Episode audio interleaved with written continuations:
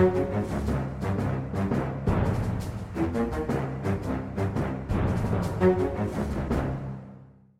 tror jeg vi begynner. Ja. Eh, velkommen til en ny utgave av podkasten Aftenpodden. Jeg er politisk journalist Lars Glomnes. Med meg har jeg politisk redaktør Trine Eilertsen. God dag, god dag. God dag. Og kulturredaktør Sara Sørheim er på plass. Hallo. Eh, så kan vi opplyse fra start av at dette er en podkast som også finnes i iTunes og andre steder, hvis man hører via nettsidene våre. Eh, denne uken i litt mer internasjonalt tegn enn de forrige. Uh, Sara Sørheim, du har en sånn uh, tallerken med bilde av uh, Tony Blair på veggen over kjøkkenbordet ditt. hva er det du har fulgt denne uka? Nei, I går kveld så ble faktisk TV-en satt til side, og det skjer ikke så ofte i det sørheimske hjem. til fordel for å følge litt med på debatten i parlamentet i London i går kveld. Hvor de skulle ta stilling til om Storbritannia skulle gå militært inn i Syria. Og det er jo ikke et veldig muntert tema, men det er viktig. Eh, men det som jo har det, det som er greia med britisk politikk, er at eh, sånne typer debatter har et element av en, um, av en, retorisk eleganse. Som gjør at det å sitte og følge med på de forskjellige innleggene, det er, uh, det er jeg vil ikke si underholdende, kanskje. Det er kanskje litt sånn uh, shallow ord i denne sammenhengen. Men det er rett og slett bare lærerikt og spennende å følge med. Og i går fikk vi jo en dose av uh, glimrende taler og en heftig debatt. Fordi i England så har man jo jeg vurderer da å utvide, eller har man da vedtatt å utvide bombingen av IS fra å gjelde bare i Irak til også å gjelde i Syria. Mm. Uh, og vi har fått et gjensyn med en gammel kjenning av Aftenposten, nemlig Jeremy Corbyn, Labour-lederen, som uh, står midt i den tvisten her. For han er jo en god, gammeldags uh, antikrigsdemonstrant. og har jo ledet an i denne Stop the War Coalition i årevis. Uh, og nå må partiene ta stilling til om de skal bombe eller ikke. Ja, det var jo veldig spennende i går. Vi visste at mange Labour uh, MPs kom til å stemme for regjeringens forslag om å gå til militært angrep. men det var ikke helt sikkert hvor mange. det var en del sentrale folk i Corbyns skyggeregjering som man ikke visste faktisk før de holdt sine innlegg, hvilken side de ville lande på. Eh, og for Corbyn sin del, han gjorde jo det eneste rette. Han skjønte det at han måtte fristille alle sine folk og si at dere kan stemme etter egen overbevisning. Han brukte ikke partipisken på denne saken. Eh, det kunne han nok ikke ha gjort. Da tror jeg kanskje han ville allerede nå ha røket. Men Corbyn balanserer på en helt vanvittig skarp eh, knivsegg. Har sine sterke tilhengere, men han har også ekstremt sterke motstandere i sin egen eh, partigruppe. Uh, og uh, i mangel av Tony Blair, da, som jeg fortsatt er litt sånn i sorg over at det ikke er en del av britisk uh, politikk, så er jo denne konflikten og kampen rundt Corbyn Gud hjelpe meg så underholdende, hvis det går an å si det også. For oss som følger politikk, så er det noen ganger sånn at vi vipper kanskje litt over i at spillet er, er, så morsomt at vi glemmer litt at det er blodig alvor. så jeg får litt, ha litt respekt for det, at dette er virkelig, virkelig bokstavelig talt blodig alvor.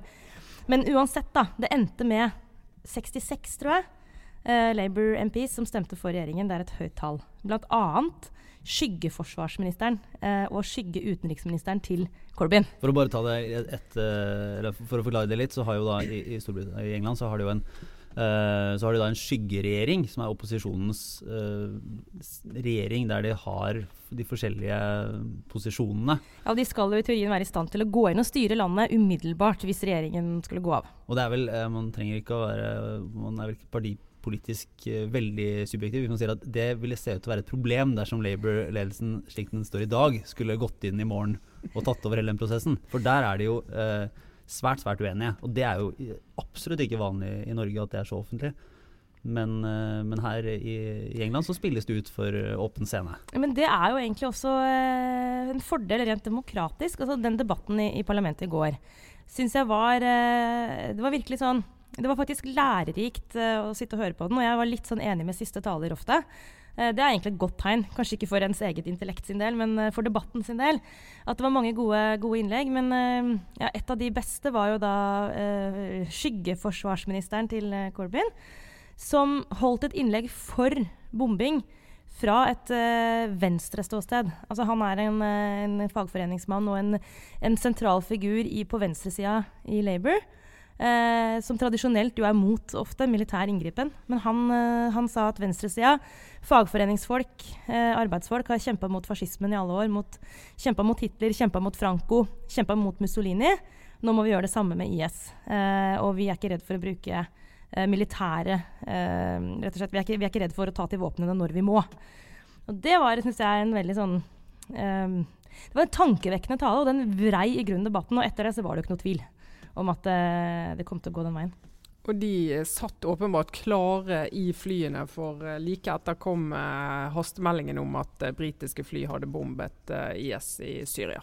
Ja, Så de satte i gang med ja, umiddelbart? Umiddelbart. Mer eller mindre. Mm gjorde det. Og det er jo, eh, det er jo litt sånn Syria-uke her i, Norge på den måten at uh, altså FNs spesialutsending til Syria, Staffan de Mestoras, et mystisk navn, han er halvt svensk og halvt italiensk. En av disse uh, diplomatene på, godt voksne diplomatene som har vært med på nesten alt av fredsprosesser og Irak og Afghanistan og hva det måtte være uh, i verden. Han har nå fått den utakknemlige jobben med mange si, og prøver å få i gang en eller annen form for løsning eh, politisk løsning i, i, Syria, og reiser rundt. Og I år så var han, nei, denne uken var han i, i Norge.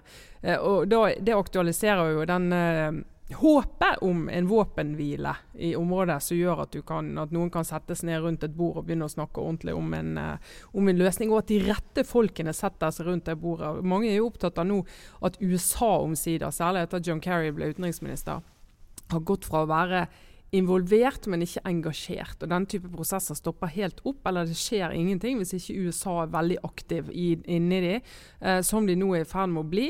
Eh, samtidig så er det vinduet frem mot at eh, valgkampen i USA virkelig tar av om en sånn fire-fem måneders tid, det er veldig veldig kort. Så det er veldig mye som må skje før det. For når den valgkampen er godt i gang, da mister alle prosesser omtrent i verden eh, amerikansk oppmerksomhet, og da mister de fart. Da går de inn i en sånn selvsentrert eh, boble hvor de bare driver valgkamp, rett og slett? Slett? Ja, det varer veldig lenge. Og så er det presidentvalg, og så skal presidenten bemanne tusenvis av, uh, av stillinger i departementene som man gjør ved et uh, maktskifte i USA. Det er da man får sånne, for, for sånne smårare ambassadører til Norge og alle ja, eller, eller, eller vi får ikke ambassadør i det hele tatt. Ja. Som, uh, vi har jo ikke hatt ambassadør fra USA på lang tid, fordi det har vært kluss i vekslingen.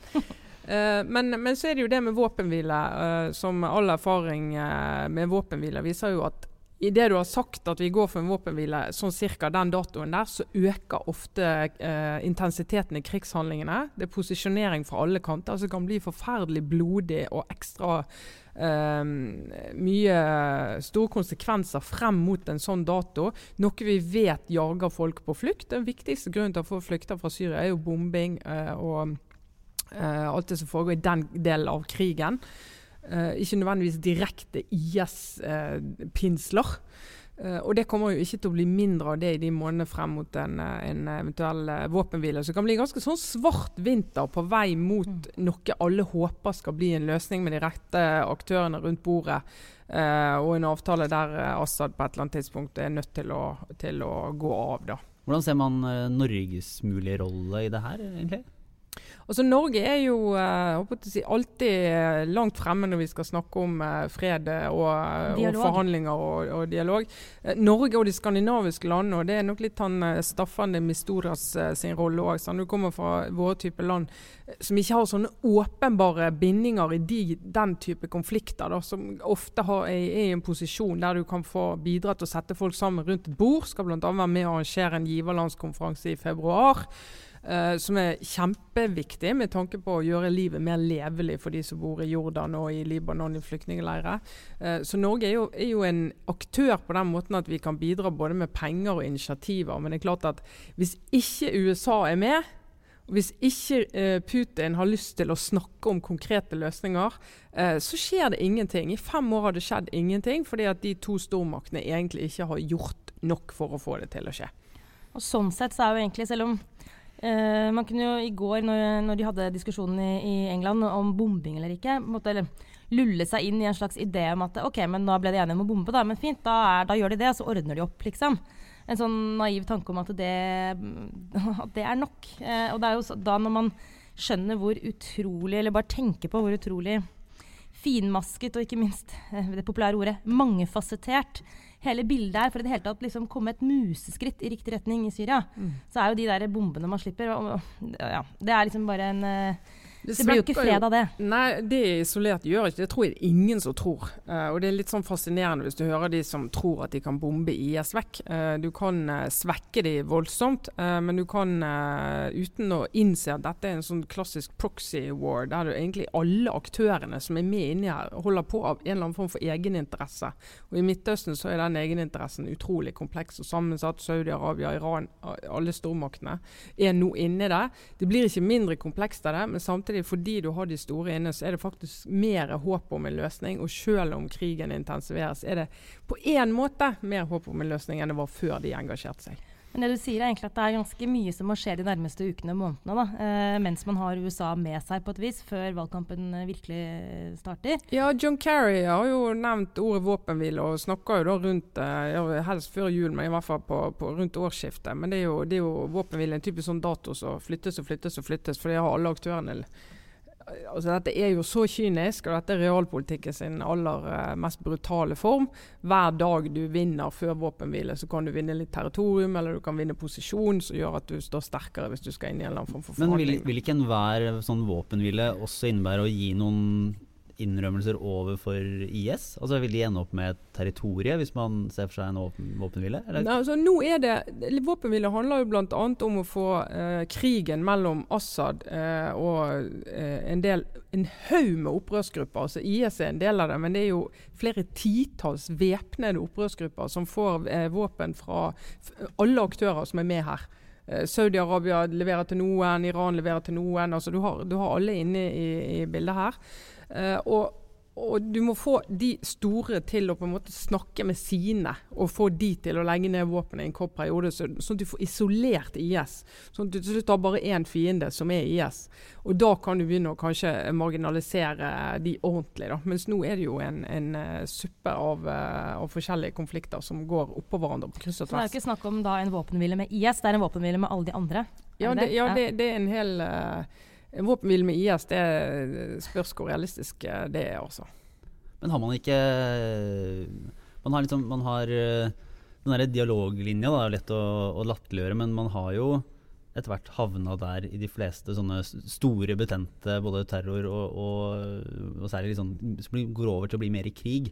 Så har man på et eller annet tidspunkt oppretta en slags dialog man hadde med Hamas. Man har hatt liksom, Taliban-representanter til Oslo for å, mm. uh, for å, snakke. Hvor fjernt er det å ha en sånn dialog med en, en form for kontaktpersoner eller, eller IS? Uh, representanter. Men dette er jo en diskusjon også rundt eh, å anerkjenne IS i det hele tatt som en, en representant man, bare, som man kan snakke med. Det har vært, eh, det har vært noen spede stemmer her og der som har tatt til orde for til og med å bare anerkjenne IS som, som, en slags stat, for å kunne gå inn i reelle forhandlinger med dem. Selvfølgelig meget kontroversielt eh, og sikkert ikke noe som kommer til å skje. Men hvordan man skal forholde seg til en sånn organisasjon. Eh, når man er vant til at en del av den dialogen, da, eller diplomatiet og forhandlingene foregår jo selv om det er en katastrofe eller krigssituasjon, så foregår det jo innafor noen rammer man har bygd opp. Eh, det finnes jo noen systemer internasjonalt, bl.a. er det ofte mellom nasjoner f.eks. Men dette her er jo Jeg vet, ikke, jeg vet liksom ikke hvordan man skal gå frem for å Det er ikke snakk om å få IS til forhandlingsbordet, på en måte. Selv om man vel klarte vel Man klarte vel det med Taliban på et tidspunkt? Men, men målet er jo å få en, en, løsning i Syria som går an å tenke seg på. Det er jo ikke sånn at IS kontrollerer Syria på noen måte, men Assad kontrollerer jo store deler av Syria. Og skal du overhodet se for deg en eller annen form for uh, avslutning på det, så er jo det veldig veldig mange som mener at da må du bytte ut Assad med et eller annet annet. Om det er en annen i hans gjeng, eller om du må få en eller annen, få en eller annen uh, overgang der som gjør at, uh, at du får et nytt uh, regime der. det å gå videre med en mann som har myrdet flere hundre tusen av sin egen befolkning, det tror jeg mange ser på som ganske krevende. Ikke han sjøl etter sigende. Han har bunkersyndrom. og sitter og snakker med svært få mennesker i, i, i bunkeren sin, som gir han til dels dårlige råd. Men uh, Til dels, ja. Men dette her, det, det, vi snakker om minner meg også litt om uh, den retoriske favorittøvelsen på venstresida. Jeg har jo en fortid som uh, bl.a. Uh, redaktør i Klassekampen. Og der var vi jo uh, ofte var jo lunsjpausene våre, altså, sånn som vi snakker nå, egentlig heftige diskusjoner, ikke bare lunsjpausene, men gjerne fredagspilsene og, og nachspielene også. For eller imot uh, militær intervensjon og liksom, hvordan man skal løse opp i ting. og Selvfølgelig kun en retorisk øvelse. Veldig sånn Blindern-studentaktig. Det er sjelden Klassekampens uh, redaksjon, redaksjon, har gått inn og, og virkelig løst et verdensproblem, mener du? Det har ikke skjedd så veldig ofte, nei. Men det er jo sant, det er sånne problemstillinger som på en måte så er det alle er engasjert i det. Eh, samtidig så er det ingen nesten som eh, kjenner på kroppen eh, noe som helst i nærheten av konsekvensene av de ulike valgene. Eh, enn så lenge, får vi si. Det rykker jo stadig nærmere. Eh, men det er heller egentlig ingen som sitter med nok realkunnskap, ikke vi heller, til å kunne ha en eh, kvalifisert mening. Eh, tenker på folk som, som han eh, FNs utsending som var i, i, Oslo denne uka. Som faktisk sitter nedi purra der og prøver å gjøre noe med det. Mm. Det tror jeg må være den jobben man skal ha nei, Kanskje den vanskeligste jobben i verden, og kanskje en man skal ha respekt for.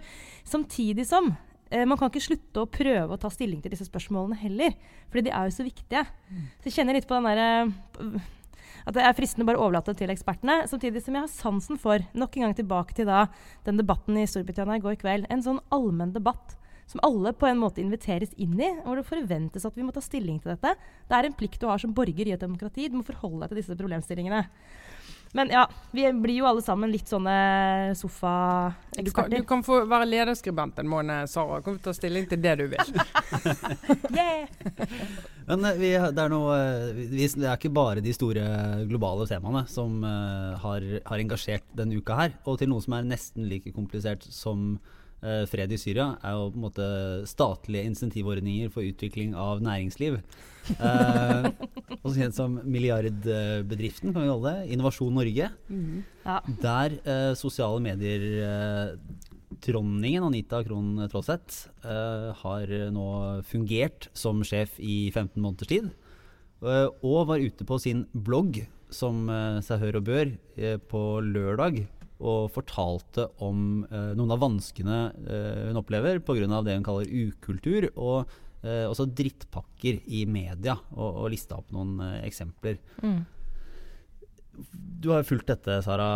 Hvor, eh, kan ikke gi oss en liten status, for dette har jo da satt i gang et lite rabalder om, om lederrollen og, og drittpakker og, og, i det hele tatt. Ja, det er ting som kommer i bloggform, merker jeg at det er lett å følge med på. Sånn form som tiltaler meg.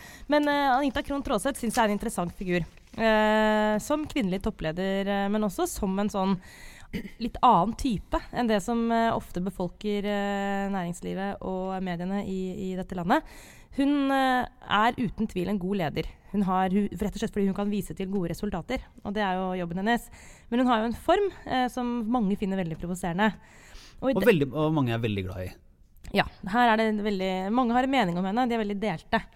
Men denne saken hun skriver om her, er jo at hun har jo holdt, hatt en veldig tøff runde i Innovasjon Norge. Eh, på oppdrag for regjeringen, som jo har ansatt henne, så har hun eh, kutta og omstilt store deler av organisasjonen. Og det hun skriver selv, er at dette har ført til en del eh, misnøye.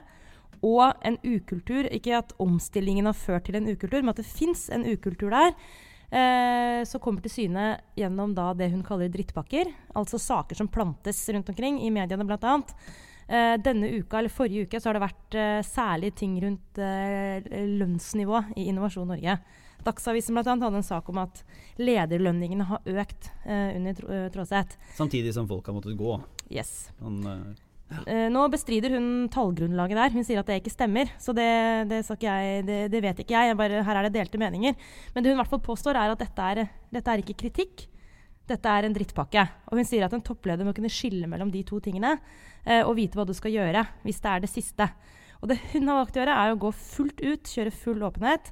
Og, eh, og nærmest oute sine egne drittpakkeprodusenter i, i selskapet. da. En offensiv stil. Så er det et åpent spørsmål om dette har vært drittpakker eller ikke. Jeg så en tidligere kollega i Dagbladet som nå er i et annet medium, jeg lurer på om det er Kapital uh, fortalte at de hadde jo skrevet noen av disse sakene, og det var på bakgrunn av, av innsynsforespørsler og beramminger i Oslo tingrett. Mm. Uh, så var, man kan jo spørre seg om hun har klart å skille da, mellom det som er normal kritisk journalistikk og det som er drittpakker. Men det hun skriver blant annet, da, er at hun har fått uh, oppringninger av journalister som har sagt til henne at bare så du vet det, nå foregår det en kampanje mot deg. Eh, som har blitt oppringt med tips om henne, som journalisten selv har skjønt at det ikke har vært reelle. Mm. Eh, så Tråseth skriver da i bloggen sin at eh, det er ikke alltid sånn at mediene det er Faktisk en sjelden håndsrekning til vårt eh, yrke. Hun skriver at det er ikke sånn at journalister alltid kaster seg på. De er også etter hvert blitt i stand til å identifisere forskjellene og se når det er en, en kampanje på gang. Men samtidig, jeg vet ikke. Det kan godt være at den at hun driver en drittpakke tilbake på sine folk igjen ved å kalle det de gjør en drittpakke. Hvis dere skjønner? Ja, altså det, det, er hvert fall ikke, Hvis du driver med store omstillinger som mange utenfor bryr seg om, så må du, må du være forberedt på at det vil komme tips om både lederstilen din, og om eh, det du gjør og det du får gjennomført, og historikken din eh, relasjonene dine. Altså, dette har jo, jeg har eh, ledet eh, omstillinger, og har eh, også fått eh, telefoner fra journalister. Ikke minst fra din tidligere redaksjon, eh, Sara Sørheim, Dagens ja. Næringsliv, som dekket omstillingene, omstillingene, var var nedmanningene i BT der jeg jobbet før, i 2012. For du har jo en fortid som den store stygge ulven. jeg har en fortid som sånn kuttekjerring. Uh, som uh, jobbet med en kraftig nedbemanning i, i, 2012. Og det er jo en kjempeutfordring både for ledelsen og for alle som jobber i organisasjonen. Tøffest for de uh, ansatte. For de vil alltid vite mindre, de vil alltid ha en større usikkerhet. Uh, og de vil alltid eh, lure på hva som skjer rundt neste sving. Så det er en veldig sånn tens uh, periode i en organisasjon. Og da, da, vil det skje at noen der går, går, ut og syns at lederen er både umenneskelig og, og altfor tøff. Og, og, sier det til andre medier. Det Sara, du, for du satt da på, i Dagens Næringsliv og tok imot Noen kan yes. kalle det drittpakker, andre vil kalle det på en måte innsikt tips. og tips om, om nødvendige ting å dekke. Ja, det er helt sant. Nei, vet du, det, Da leda jeg jo den uh, avdelingen i DN som jobber med medier uh, og nyheter rundt mediehus. Og akkurat 2012 så var det jo svære kuttrunder i flere norske aviser. Og det stemmer det. Altså, vi fikk jo mange innspill. Uh, noen var helt sånn reelle saker. men jeg husker både du, Trine, og også andre Men alle eksemplene jeg kom på nå i farta, gjelder faktisk kvinnelige sjefer. Vi kan snakke etterpå om det er tilfeldig eller ikke, men jeg husker i hvert fall det var eh, et par stykker da, bl.a. du, hvor vi fikk innspill som gikk mye mer på sånn personlighetstrekk. Sånn eh, Hun bryr seg ikke om folk og er ikke empatisk, og, eh, og at type sånn Mennesker blir dårlig behandla. Og det er litt sånn hmm, okay. Det er jo kjempevanskelig for alle i en sånn prosess. Eh, som, som, er involvert i en sånn kuttrunde. Det som jo vi måtte prøve å finne ut av da, det var Uh, er det konkrete ting her som faktisk har skjedd? Altså er, det, er det feil som har blitt begått, uh, som kan dokumenteres?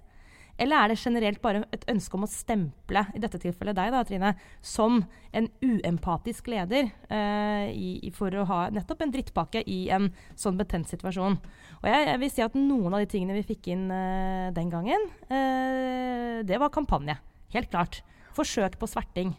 Uh, og jeg håper denne samtalen om vi vet ikke om vi egentlig har tatt Trine, om du opplevde at vi var redelige da? ja, jeg syns det var ganske ryddig. For jeg hadde et par saker uh, som var negative for min del i DN den gangen. Uh, og det ene handlet om dårlig håndtering av personal i en sånn nedbemanningssituasjon. Uh, og den visste jeg var dårlig håndtert, og den visste jeg kom til DN uh, og journalisten. Det var jeg helt sikker på, for sånn var det den gangen. Det var hotline rett fra redaksjonen inn der.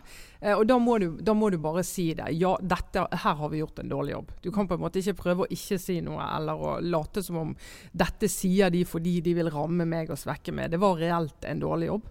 Uh, og det hadde et par andre saker òg, tror jeg. Det var ikke, ja, Nå høres det ut som det var en hel røys. Det var ikke så hakkende gale, vil jeg si. Når du, når du gjør så, tar så mange beslutninger som angår så mye folk på så kort tid, så blir det gjort feil. Mm. Sånn er det. Og det er ikke en drittpakke at det kommer ut. Det er kjedelig, men det er ikke eh, Du må på en måte ikke automatisk stemple de som forteller om det, at de er destruktive. Sånn mm. generelt, da. Fall, der har jo også Tråseth for så vidt et uh, poeng. Vi vet jo ikke, vi som sitter her, om hun denne gangen faktisk er utsatt for en kampanje eller, eller, bare saklig kritikk. Men hun skriver i hvert fall selv også det du er inne på, Trine, at man må som toppleder da, være i stand til å skille mellom de to. Eh, både for sin egen del, for at det skal være levelig i jobben, så må man kunne sånn som du gjør nå, da, si at vet du hva, det, okay, det var ikke optimalt håndtert, jeg tar den kritikken, gå videre. Eh, skille mellom de tingene man skal reagere sånn på, og det som faktisk da er en uh, kampanje. Men det fins jo ikke noe fasit, sant. Og det er en, uh, det er en sånn men, men, så skal vi være Altså vi får jo utrolig mye tips om dårlige ledere. Altså i redaksjonen. Og folk som har lyst til å tipse om en dårlig sjef. Og, liksom, og det, det, er jo veldig mye ymse, ymse, der. Og det tror jeg altså Anita Krohn Traaseth alle sammen kan jo eh, beroliges med at jeg vil vel påstå at det meste skriver vi aldri om. fordi at det er vanlig sånn jobbsladder, og du kan ikke belegge det. Og det har ikke noe betydning utover og hva som har skjedd akkurat med den personen. Du må liksom på en måte løfte det litt opp før det, før det kommer i, i avisene. da. Jeg tror jo ja, jeg tror at uh, anklagene om drittpakker, uh, i hvert fall blant politikere, da, som jeg forholder meg mest til uh, de kan også vite at det er, det er sjelden det er det, det er mye mer som tas for å være drittpakker, enn det som faktisk er det. Mm. Uh, det som ofte da kjennetegner en drittpakke, er som du sier at det er, litt sånn, det er lite hold i det. Eller det er en sånn, det er synsing om at noen er uh, usympatiske eller dumme eller uh, driver med noe annet. Hvis mm. det er hold i det, så jeg vet ikke, Kanskje da er det bare et, er det et godt tips. da. Ja. Vi, lever jo av, ja. av, informasjon. og Hvis det er noe som ligger der og er noe som er reelt, så, så får man jo ta tak i det. Enten motivene er gode eller dårlige. Selv om mm. en åpenbart skal være forsiktig med å altså, Eller skal være obs på hva, hva, de som kommer med informasjonen, har av baktanker. Men en sånn egen eh, drittpakke som er reservert for kvinner, er jo dette, eller veldig ofte rammer kvinner, er jo det som går på nettopp sånn at eh, hun er ikke empatisk. Eller mm. sånn, nærmest sånn hun er slem. Og det, det der å karakterisere, eh, særlig da kvinnelige ledere, sånn, eh, på bakgrunn av personlige egenskaper, det er en sånn uh, ufin ting som uansett uh, ikke har noe verdi egentlig som innspill. For det er ikke noe som kan, eller sjelden kan dokumenteres. Uh, og det rammer nok urettferdig mange kvinner, fordi det ligger en annen forventning. kanskje. Nå er jeg litt synsete her, men jeg tror det ligger en annen forventning i at en kvinnelig leder skal ut, være mer varm og omsorgsfull enn en, en, mannlig leder. Da, særlig i sånne kuttsituasjoner f.eks. Det, det må man være obs på. Det har jo til og med det heldigvis en stund siden har vært argumentert med det når du skulle argumentere for at du skal ha flere kvinner i ledelse, at de, de, er flinkere med mennesker og mer empatiske og alt det. Eh, det er de ikke. De er like gode og like dårlige. Eh, men jeg tror du har rett, Sara, at eh, når det virkelig spisser seg til, så ser nok mange i større grad etter en form for omsorg og varme hos en kvinnelig leder enn hos en mannlig leder, som nok i større grad kan komme unna med å sende HR-avdelingen eh, ned til å ta, ta seg av tårene og, og, og det der litt vanskelige, vanskelige reaksjonene enn en kvinne kan gjøre. Da. Eh, det forventes at du står i det sjøl og ser folk i øynene og tar imot eh, det som kommer. Og reagerer. Du må reagere så profesjonelt du kan. Du må vise omtanke, men du kan ikke bli terapeuten til de som sitter der. Og det er av og til en tøff balanse. da. Vi får vel uh, nærme oss uh, en avslutning, men vi kan jo også Vi lovet uh, forrige uke at vi skulle gi en liten oppdatering fra Presselosjens julebord. Det årlige treffet for journalister som dekker Stortinget. Som Jeg hadde sin middag sist torsdag. Jeg syns Trine var inne på noen egentlig naturlige stikkord. Jeg skulle nesten til å gripe muligheten til å lage en sånn proff overgang, sånn som man gjør i radio. For Trine snakket om behov for terapi, og snakket om vanskelige sosiale eller vanskelige relasjoner og det med mye følelser som kommer til uttrykk. Eh, jeg følte nesten vi nærmet oss en sånn uh, litt sånn situasjon, hvis jeg kan si det, på, på Presselosjens julebord. Der det var, det var, mye litt vanskelige sosiale ting å håndtere for diverse mennesker i rommet. Og jeg tror dere vet hva jeg sikter til. Den veldig morsomme underholdningen vi ble utsatt for, Lars.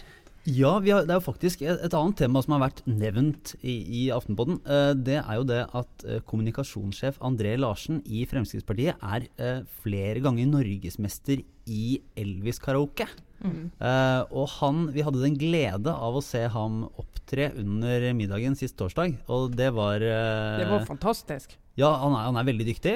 Ja, som han jo levende beskrev selv. Han har gått inn for å prøve å treffe helt sånn klokkereint på rent sånn fysisk utseendemessig. Treffe Elvis sånn på et år eller to før han døde, eh, omtrent. og, og, han synger Sen Elvis. Det, sen Elvis. Ja. det er veldig bra. Ja. I en sånn veldig trang eh, Elvis-lignende eh, drakt, da. Uh, den der uh, drakta. Jeg vet ikke hva man skal kalle det engang.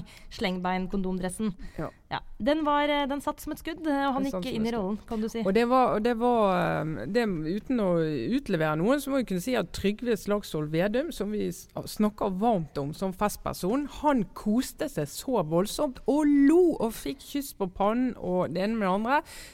Et par bord bortenfor satt Jonas Gahr Støre og var tett på dette eh, opptrinnet, kan jeg nesten kalle det. Og et, et, han, vil, altså han som opptrådte, opplevde nok ikke invitasjonen til pannekyss like sterk. Må kunne si det. Det var mulig å spore en viss kulturforskjell? Ja, det var en viss kulturforskjell.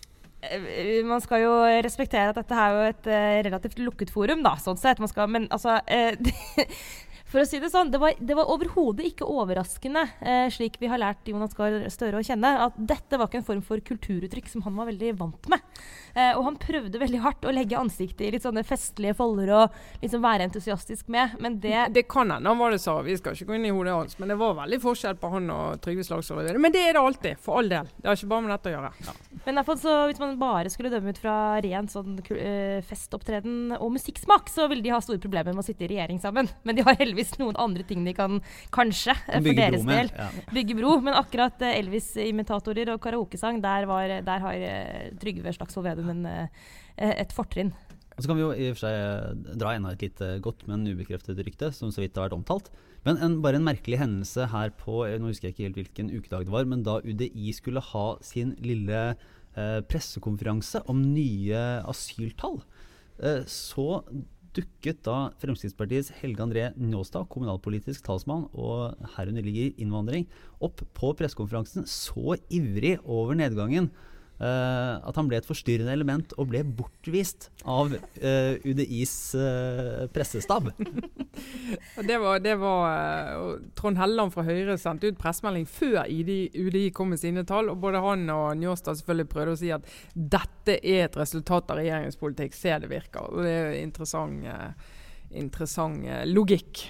Så kan vinner en eller annen slags pris for årets mest sånn entusiastiske innsalg av, av ja. offentlig statistikk. Ja, litt for hyper der. Ja. Ja. Men uh, med det så får vi vel si oss fornøyd for denne uke, og så kommer vi uh, sterkere tilbake. Vi skal uh, jo også minne om vår julefeiring. Mm, 16. desember. 16. desember, Kulturhuset på Youngstorget. klokken seks. Det er rett og slett eh, Jæver og julaftenpodden. Vi møter våre venner eh, slash fiender i eh, Jæver og Joffen til en eh, times eh, livepodkast for eh, gjester og de som måtte ville komme. Så da håper vi at folk eh, kjenner sin besøkelsestid og kommer og hilser på. Og så takker vi for denne gang. Sara Sørheim, Trine Eilertsen og meg, Lars Klomnes. Ha det bra.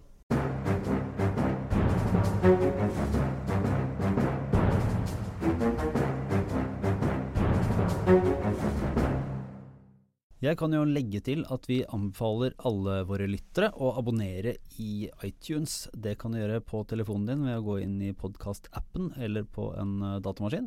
Der kan du også gi oss en liten sånn stjernerating hvis du liker det du har hørt. Uh, og så kan du gjerne følge oss på Twitter. Der er vi rett og slett Aftenpodden.